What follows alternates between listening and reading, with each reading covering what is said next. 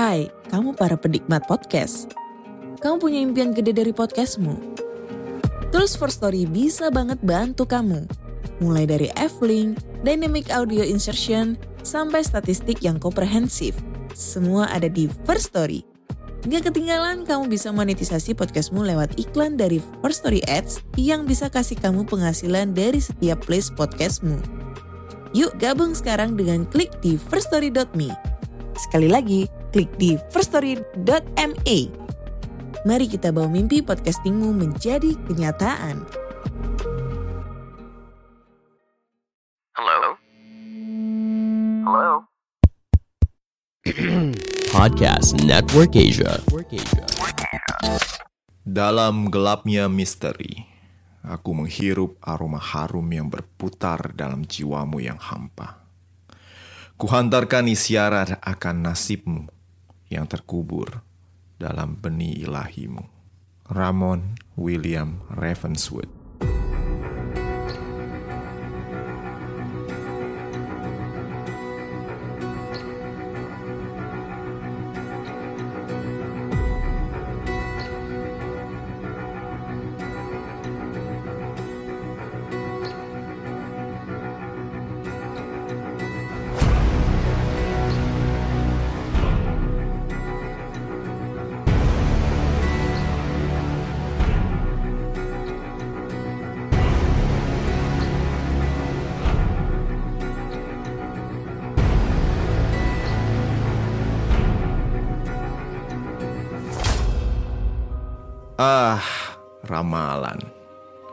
Siapa yang gak mau tahu tentang ramalan? Sejak awal peradaban manusia, manusia selalu tertarik sama masa depan dan kepengen tahu apa yang tersembunyi di sana. Rasa penasaran dan ingin tahu kita selalu mendorong kita untuk cari tahu. Dari hal remeh seperti cuaca besok, keuangan minggu ini, bakalan jomblo seumur hidup, atau cocok nggak sama pacar yang sekarang. Ada yang berusaha cari tahu dengan baca zodiak, show, primbon, atau ada juga yang pergi ke mbah dukun atau ahli tarot. Waktu gue SMA, waktu gue masih lucu-lucunya, gue sering banget baca koran atau majalah.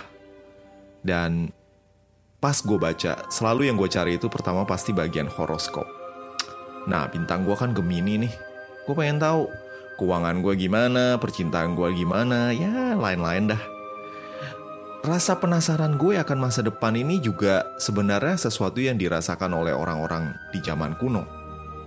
Kita tahu kalau banyak budaya itu punya caranya sendiri untuk ngelihat masa depan. Bangsa Sumeria membaca bintang, bangsa Cina ngelihat punggung kura-kura, atau letak bintang juga. Bangsa Romawi bahkan punya cara untuk ngeliat posisi organ binatang yang dibelek untuk mengetahui apakah besok bagus untuk pergi perang atau enggak. Terus gimana dengan orang Yunani kuno? Mungkin kalian sering banget dengar gue nyebutin Oracle Delphi di podcast ini. Sering banget karakter Oracle gue bahas dan episode kali ini gue bakalan jelasin asal-usul Oracle dan pengaruhnya bagi bangsa Yunani kuno. Konon, di awal berkuasanya, Zeus, sang raja langit, berusaha menentukan di mana pusat dunia, atau pusar dari neneknya, Gaia, yaitu bumi. Jangan tanya gue kenapa, karena gue juga nggak ngerti. Mungkin dia iseng atau mungkin dia, ya you know, gabut aja kali. Zeus kemudian melepaskan dua ekor burung elang ke arah yang berbeda. Satu ke barat dan satu lagi ke timur. Kedua burung tersebut kemudian bersatu bertemu di satu titik di Gunung Parnassus yang dinamakan sebagai Omphalos alias pusar dunia. Tempat ini identik dengan Gaia, sang Mother Earth, dan dijaga oleh seekor ular besar yang bernama Phaeton. Si Phaeton inilah yang konon ngejar-ngejar Leto yang lagi hamil Artemis dan Apollo. Apollo setelah keluar dari rahim ibunya, langsung mengejar dan membunuh Phaeton mengambil alih pusar dunia dari Gaia dan menamakannya sebagai Delphi. Namun, ada juga yang bilang kalau situs Delphi ini didirikan oleh para pendeta Apollo dari Pulau Kreta yang mendapatkan petunjuk dari Apollo yang nyamar jadi lumba-lumba. Lumba-lumba baik hati ini ngomong sama tuh pendeta. Yo bro, ikut gue sini. Gue kasih tahu lu tempat yang paling bagus buat bikin kuil. Kaget ngelihat lumba-lumba bisa ngomong, mereka pun ngikut sampai ke daratan. Dan si lumba-lumba ini pun berubah wujud menjadi Apollo, sang dewa matahari, yaitu dewa sesembahan mereka. Apollo menginstruksikan kepada mereka untuk membangun kuilnya di situs Omphalos yang kemudian diberi nama Delphi yang berasal dari kata Delphinus alias, you guess it, lumba-lumba. Versi yang mana yang benar gak jelas. Tapi yang jelas, situs Delphi kemudian berkembang menjadi tempat penyembahan Apollo yang populer. Delphi menjadi tempat untuk mencari tahu jawaban buat pertanyaan yang tidak bisa dijawab oleh manusia, yaitu tentang masa depan.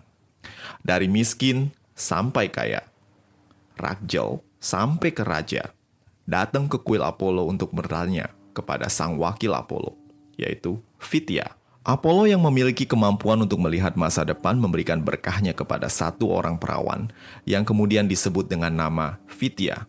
Fitya adalah gelar untuk pendeta Apollo yang diberkahi kemampuan untuk menjadi seorang wadah bagi Apollo untuk menyampaikan, you know, ramalan.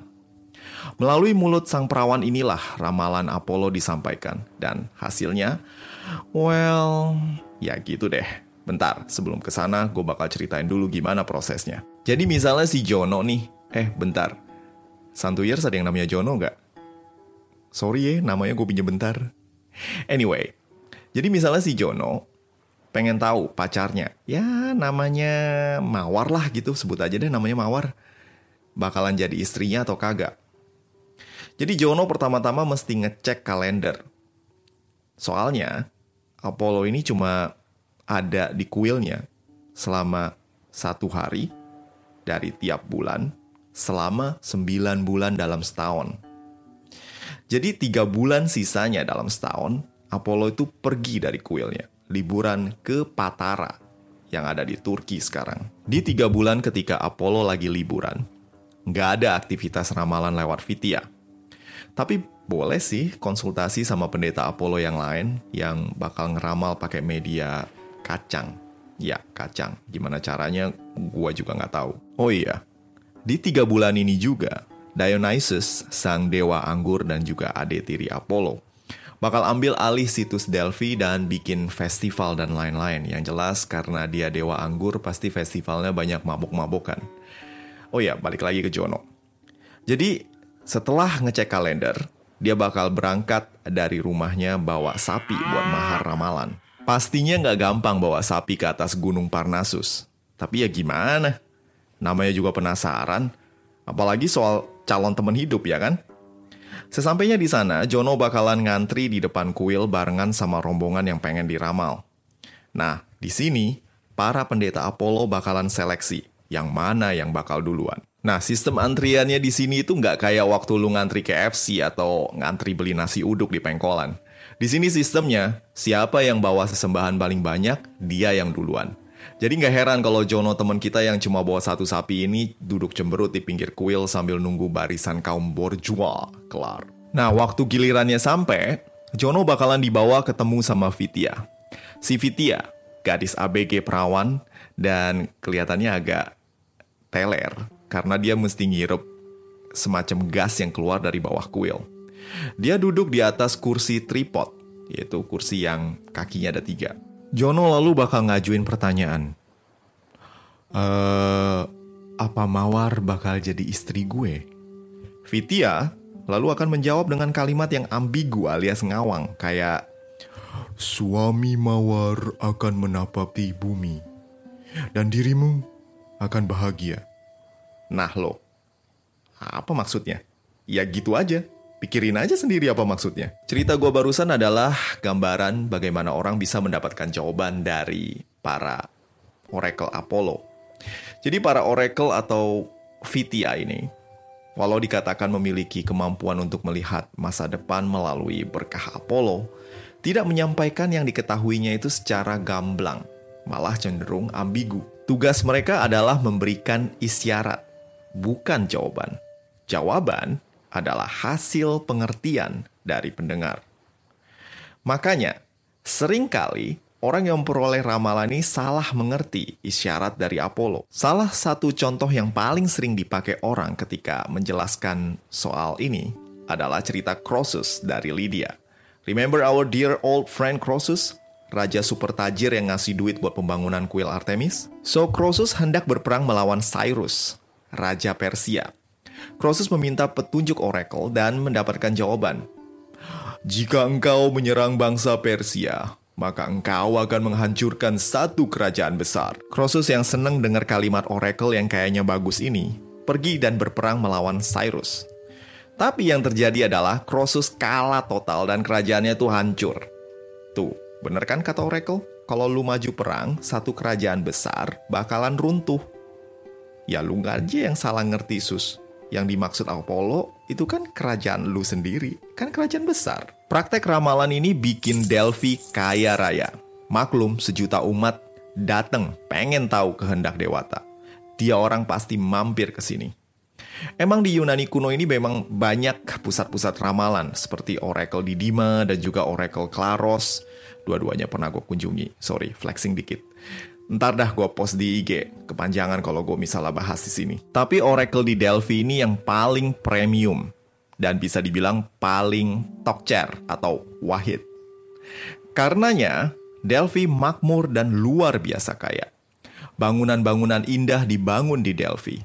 Mereka bahkan ada gedung bendahara, tempat semua harta persembahan dari para pengunjung. Mereka punya gedung teater, pemandian, dan mereka juga ngadain lomba semacam olimpiade yang mereka sebut dengan nama Vitian Games. Prestis kan? Oracle Apollo punya peranan penting dalam sejarah. Dan gue kepengen banget ceritain gimana peran mereka dalam sejarah bercampur legenda yang terjadi ribuan tahun yang silam. So sit tight and prepare some popcorn because is about to get real. Nah, kita balik lagi ke bagian ketika gue bilang Croesus dan kerajaan miliknya, Lydia, kalah total dan takluk di tangan Cyrus, Raja Persia. Jadi Cyrus mencaplok wilayah Lydia yang sekarang mencakup wilayah Turki di bagian barat dan juga pesisir Laut Hitam. Nah, masalahnya di wilayah ini ada koloni-koloni bangsa Yunani yang udah lama tinggal di sana. Jadi kehadiran bangsa Persia ini bikin beberapa dari koloni ini gerah dan pengen berontak. Miletus, salah satu dari koloni Yunani ini berontak dan minta bantuan dari Athena dan negara-negara Yunani lain. Tentu saja, Athena dengan senang hati ngirim pasukan dan tak lama kemudian abang-abang Yunani dengan baju perunggu plus helm ini langsung ngobrak-ngabrik wilayah kekuasaan Persia yang sekarang sudah berganti raja menjadi Raja Darius. Kagak main-main. Para tentara Yunani ini datang dan ngebakar kota Sardis rata dengan tanah. Sadis. Nah, Darius emosi ngelihat kotanya dibakar kayak barbecue. Dia mimpin pasukan dan berhasil memadamkan pemberontakan termasuk ngusir pasukan Athena. Tapi emosi dari Darius kagak bisa padam begitu aja. Darius bahkan sempat mengambil busur dan memanah langit, sampai bilang, Zeus, aku akan membalaskan dendam ini kepada orang-orang Athena. Darius pun kemudian menyuruh pelayan pribadinya untuk ngomong, Bos, ingat balas dendam ke orang Athena, bos. Setiap hari, tiga kali sebelum makan malam. Macam makan obat aja kau Darius. Darius benar-benar serius menjalankan misi balas dendamnya ini. Pasukan Persia yang besar berbaris dari wilayah Lydia dan menyeberang ke Eropa, penaklukan Macedonia dan juga Trakia yang sekarang menjadi Bulgaria. Setelah itu dia juga mengirim duta-duta besarnya ke seantero Yunani untuk meminta mereka menyerahkan air dan tanah sebagai simbol takluk. Semua negara-negara kota Yunani menyerah kecuali dua, Sparta dan Athena yang langsung mengeksekusi duta Persia dan perang pun dimulai. Armada Persia berlayar menuju Attika dan mendarat di sebuah daerah yang bernama Marathon. Orang-orang Athena di bawah pimpinan Miltiades dan dibantu oleh orang-orang Platea, kemudian berangkat menuju Marathon untuk menghadang pasukan Persia. Mereka juga mengirim seorang pelari ke Sparta untuk meminta bantuan karena Sparta sama seperti Athena juga musuh dari Persia. Terus Sparta juga punya tentara paling besar di Yunani Jadi masuk akal dong kalau minta bantuan Sparta. Tapi malangnya, ketika si pelari sampai, Sparta lagi ngadain festival keagamaan yang saklek gak boleh diganggu gugat. Hah, Persia sialan. Tentu kita akan bantu. Tapi kita lagi ada festival keagamaan nih, gak boleh ganggu nih. 10 hari lagi kita berangkat, oke? Eh, eh, eh, tapi tapi pasukan Persia udah nyampe di maraton, bro. Kita berangkat 10 hari lagi. Eh, tapi tapi tapi udah dulu ya. Dan sang pelari pun kembali ke Athena dengan sia-sia. Seluruh tentara Athena telah berangkat ke maraton dan Athena kosong tanpa penjagaan. Hanya ada wanita dan anak-anak yang sudah diberi instruksi untuk bunuh diri kalau pasukan Persia berhasil masuk ke Athena. Sementara itu di daratan maraton, pasukan Athena di bawah pimpinan Miltiades pelotot-pelototan sama pasukan dari Persia. Pasukan Yunani yang sebagian besar adalah pasukan hoplites alias infanteri dengan senjata tombak dan pedang serta berbaju jirah berat menempati posisi yang lebih baik, yaitu di daratan tinggi. Jumlah pasukan mereka hanya 10.000 tentara, sementara di daratan rendah, pasukan Persia berjumlah lebih besar. Mereka menunggu dan menunggu. Keduanya saling menunggu momentum. Pasukan Yunani yang berada di posisi yang lebih baik menunggu pasukan Persia menyerang sambil mengulur waktu bala bantuan datang dari Sparta. Sampai satu saat, Salah satu prajurit Yunani melihat pasukan kuda Persia mundur dan kembali ke kapal. Tampaknya, Persia hendak menggunakan kesempatan ini untuk mengirim pasukan ke Athena untuk menyerang Athena yang lagi kosong tanpa pertahanan. Miltiades yang sekarang ngeliat pasukan Persia hanya tersisa pasukan panah dan infanteri, kemudian berseru, Yunani! Assemble! Bagai pertempuran terakhir di Avengers Endgame, pasukan Hoplites Yunani berlari sekencang-kencangnya ke arah pasukan Persia. Para pemanah Persia langsung melepaskan anak panah. Namun, tampaknya tak sanggup menghalangi terjangan pasukan Hoplite yang dilindungi perisai dan armor pelindung. Tentu saja pasukan pemanah langsung kocar-kacir ketika pasukan Hoplites ini sampai di barisan mereka. Ketika pasukan infanteri Persia maju, pasukan Hoplites Yunani membentuk formasi phalanx formasi barisan di mana para prajurit berdiri dekat satu sama lain dengan perisai dan tombak. Pasukan Persia bukan lawan pasukan hoplite yang senjata dan armornya lebih keren dari pasukan Persia. Menang jumlah bukan berarti menang dalam pertempuran.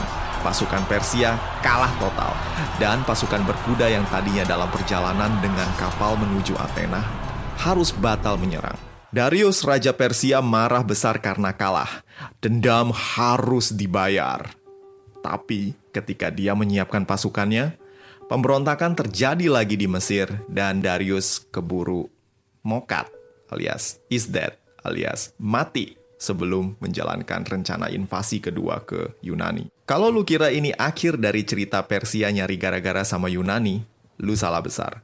Xerxes, anak dari Darius, mewarisi dendam dari ayahnya dan melanjutkan misi penghukuman untuk abang-abang bewok Yunani yang ngebantai pasukan Persia 10 tahun sebelumnya. Dan di suatu siang yang damai di Sparta, Leonidas, ya, Leonidas yang itu, Leonidas menerima papan kayu yang dilapisi oleh lilin dari seorang Sparta yang hidup dalam pengasingan di Persia.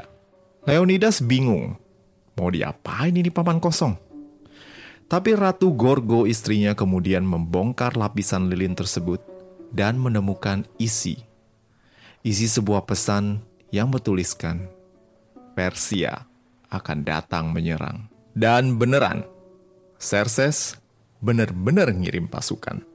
Dan bukan cuma pasukan biasa, tapi pasukan multi etnis dengan jumlah sekitar 200 ribu orang. Ketika Xerxes berhasil menyeberang ke Eropa, utusan-utusannya dikirim ke seluruh negara-negara kota di Yunani meminta air dan tanah sebagai simbol takluk. Banyak yang menyerah.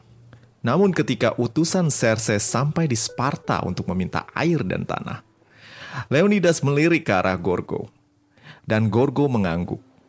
Leonidas dengan galak kemudian berteriak, This is Sparta! Dan menendang utusan Xerxes tersebut ke dalam sumur. Atau ya kalau menurut film 300. Utusan Xerxes yang kemudian juga sampai di Athena mengalami nasib yang kurang lebih sama. Tapi karena Athena lebih santun, Sang utusan diadili dan kemudian dihukum mati. Oh well, this means war. Leonidas pun kemudian mengirimkan utusan ke Oracle Delphi untuk mencari petunjuk. Mesti ngapain? Jawaban dari Oracle kurang lebih seperti ini. Inilah takdirmu. Kau yang tinggal di Sparta. Besar dan agung kotamu, tapi para keturunan Perseus akan menghajarnya, menjarahnya. Kecuali seorang raja dari keturunan Hercules tewas dan ditangisi di perbatasan Lakedaemon. Mendengar ramalan Oracle ini, Leonidas pun tahu kalau dirinya harus menjadi tumbal dalam peperangan melawan bangsa Persia ini. Dengan gagah, sang raja menerima takdir. Gorgo, istrinya yang tahu dirinya bakal jadi janda, bertanya, apa yang harus dia lakukan sepeninggal Leonidas? Dengan gagah Leonidas berkata, Menikahlah lagi dengan pria yang baik, punya anak, dan hiduplah dengan damai. Selain Sparta, penduduk Athena pun kemudian juga mengirimkan utusan ke Oracle untuk berkonsultasi perihal serangan Xerxes ini. Namun belum sempat bertanya, Oracle tiba-tiba berteriak histeris dan ngoceh-ngoceh kurang lebih seperti ini. Sekarang patung-patungmu berdiri dan penuh dengan keringat. Mereka gemetar ketakutan. Darah hitam mengalir dari atap. Mereka telah melihat suatu kejahatan yang pasti. Pergi, pergi keluar dari kuilku dan merataplah dengan rasa gentar.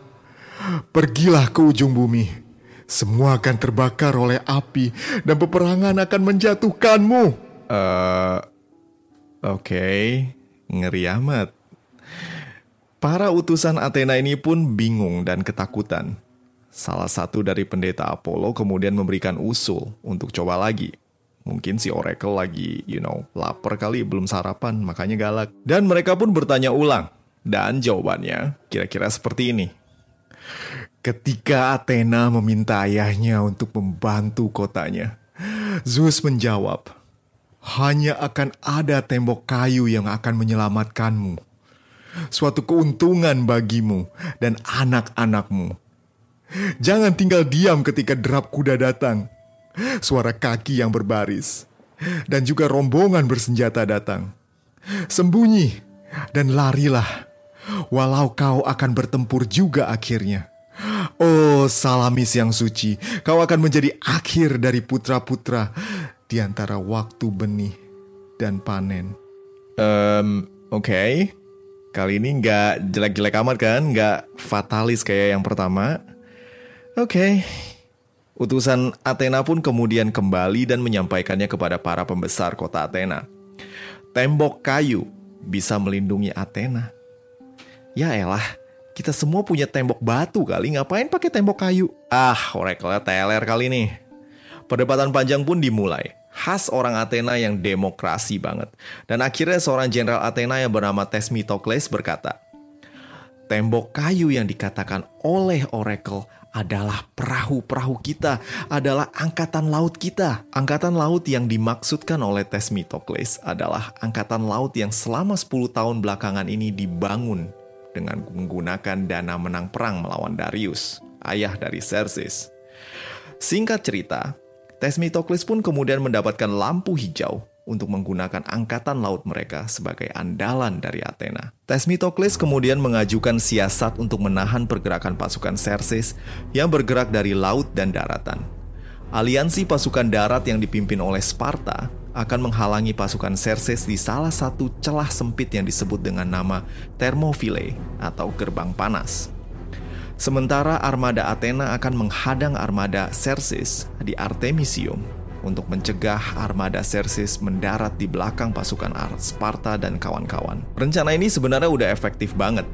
Tapi, sialnya, kedatangan Xerxes bertepatan dengan festival keagamaan di Sparta seperti yang sudah-sudah, pasukan Sparta tidak boleh dikerahkan selama festival keagamaan karena benar-benar sakral. Leonidas mengambil inisiatif membawa 300 pengawalnya dan seluruh tentara aliansi kota-kota sekitar ke celah sempit yang disebutkan tadi, Thermopylae. Di celah yang sempit ini, ruang gerak pasukan Xerxes yang besar terhalang oleh medan dan juga formasi phalanx pasukan Sparta yang berhasil menghalau pasukan Xerxes selama dua hari. Namun akhirnya pasukan Xerxes berhasil menemukan jalan ke belakang posisi pasukan aliansi. Leonidas yang mengetahui hal ini kemudian meminta sebagian besar pasukan aliansi untuk mundur. Sementara dirinya dan 300 bodyguardnya dan 700 tentara Tespia dan 400 tentara Tebia dan mungkin juga beberapa ratus tentara lain tinggal untuk melindungi jalur mundur pasukan utama. Tentu saja Leonidas dan seluruh pasukannya gugur di tangan pasukan Xerxes. Dan gua nggak tahu kenapa cuma Leonidas dan 300 bodyguardnya yang terkenal, padahal kan tentara-tentara lain juga berjasa. Tapi ya mungkin gitulah, mungkin enakan kalau dibilang Leonidas and the 300, ya kan? Sementara itu di Artemisium, armada Athena mendapatkan awal yang baik. Sepertiga armada Xerxes dihantam oleh badai yang menurut orang Yunani dikirim oleh Zeus. Tapi apalah arti sepertiga kapal hilang? Karena jumlah kapal Persia masih berjumlah sekitar 800 kapal, sementara armada Yunani hanya 271 kapal saja. Singkat cerita, pertempuran laut berjalan sengit dan kedua pihak mengalami kerugian yang cukup besar. Namun berita gugurnya Leonidas sampai di telinga Tesmitokles dan kemudian armada Yunani pun mundur ke Salamis sesuai dengan petunjuk Oracle. Dengan berhasilnya pasukan Xerxes menembus Thermopylae, kota-kota Yunani pun jatuh satu persatu. Para penduduk Athena kemudian dievakuasi ke Salamis. Xerxes sampai di Athena dan memerintahkan Akropolis dan seluruh bangunan di sana dibakar termasuk kuil Parthenon. Xerxes kali ini sudah menguasai hampir seluruh Yunani. Namun untuk menaklukkan Yunani, Xerxes harus mengalahkan armada Athena yang bermarkas di Salamis.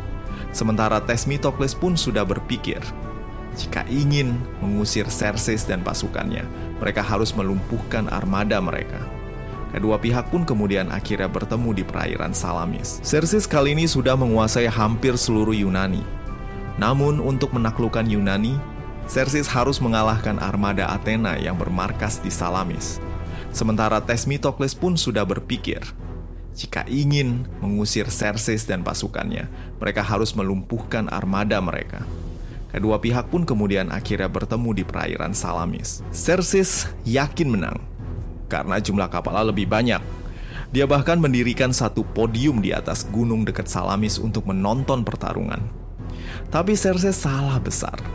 Justru armadanya yang besar yang membuat pergerakan mereka sulit di perairan Salamis. Armada Yunani yang lebih kecil lebih mudah dimobilisasi, dan armada Persia pun hancur diserangnya.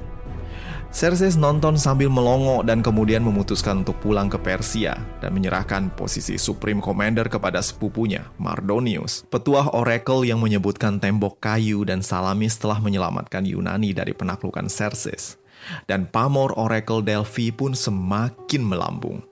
Orang-orang lupa bagaimana Oracle sempat panik dan meracau. Kehancuran telah dekat. You know, that part. Ketika orang-orang Athena meminta petunjuk, Oracle juga berhasil meyakinkan para pembesar di kota-kota Yunani kalau hanya api suci dari kuil di Delphi yang dapat menyucikan kuil-kuil yang telah dicemari oleh bangsa Persia. Oracle Delphi memegang peranan penting sampai akhirnya menurun ketika kekaisaran Romawi yang sebelumnya telah menguasai Yunani beralih menjadi Kristen.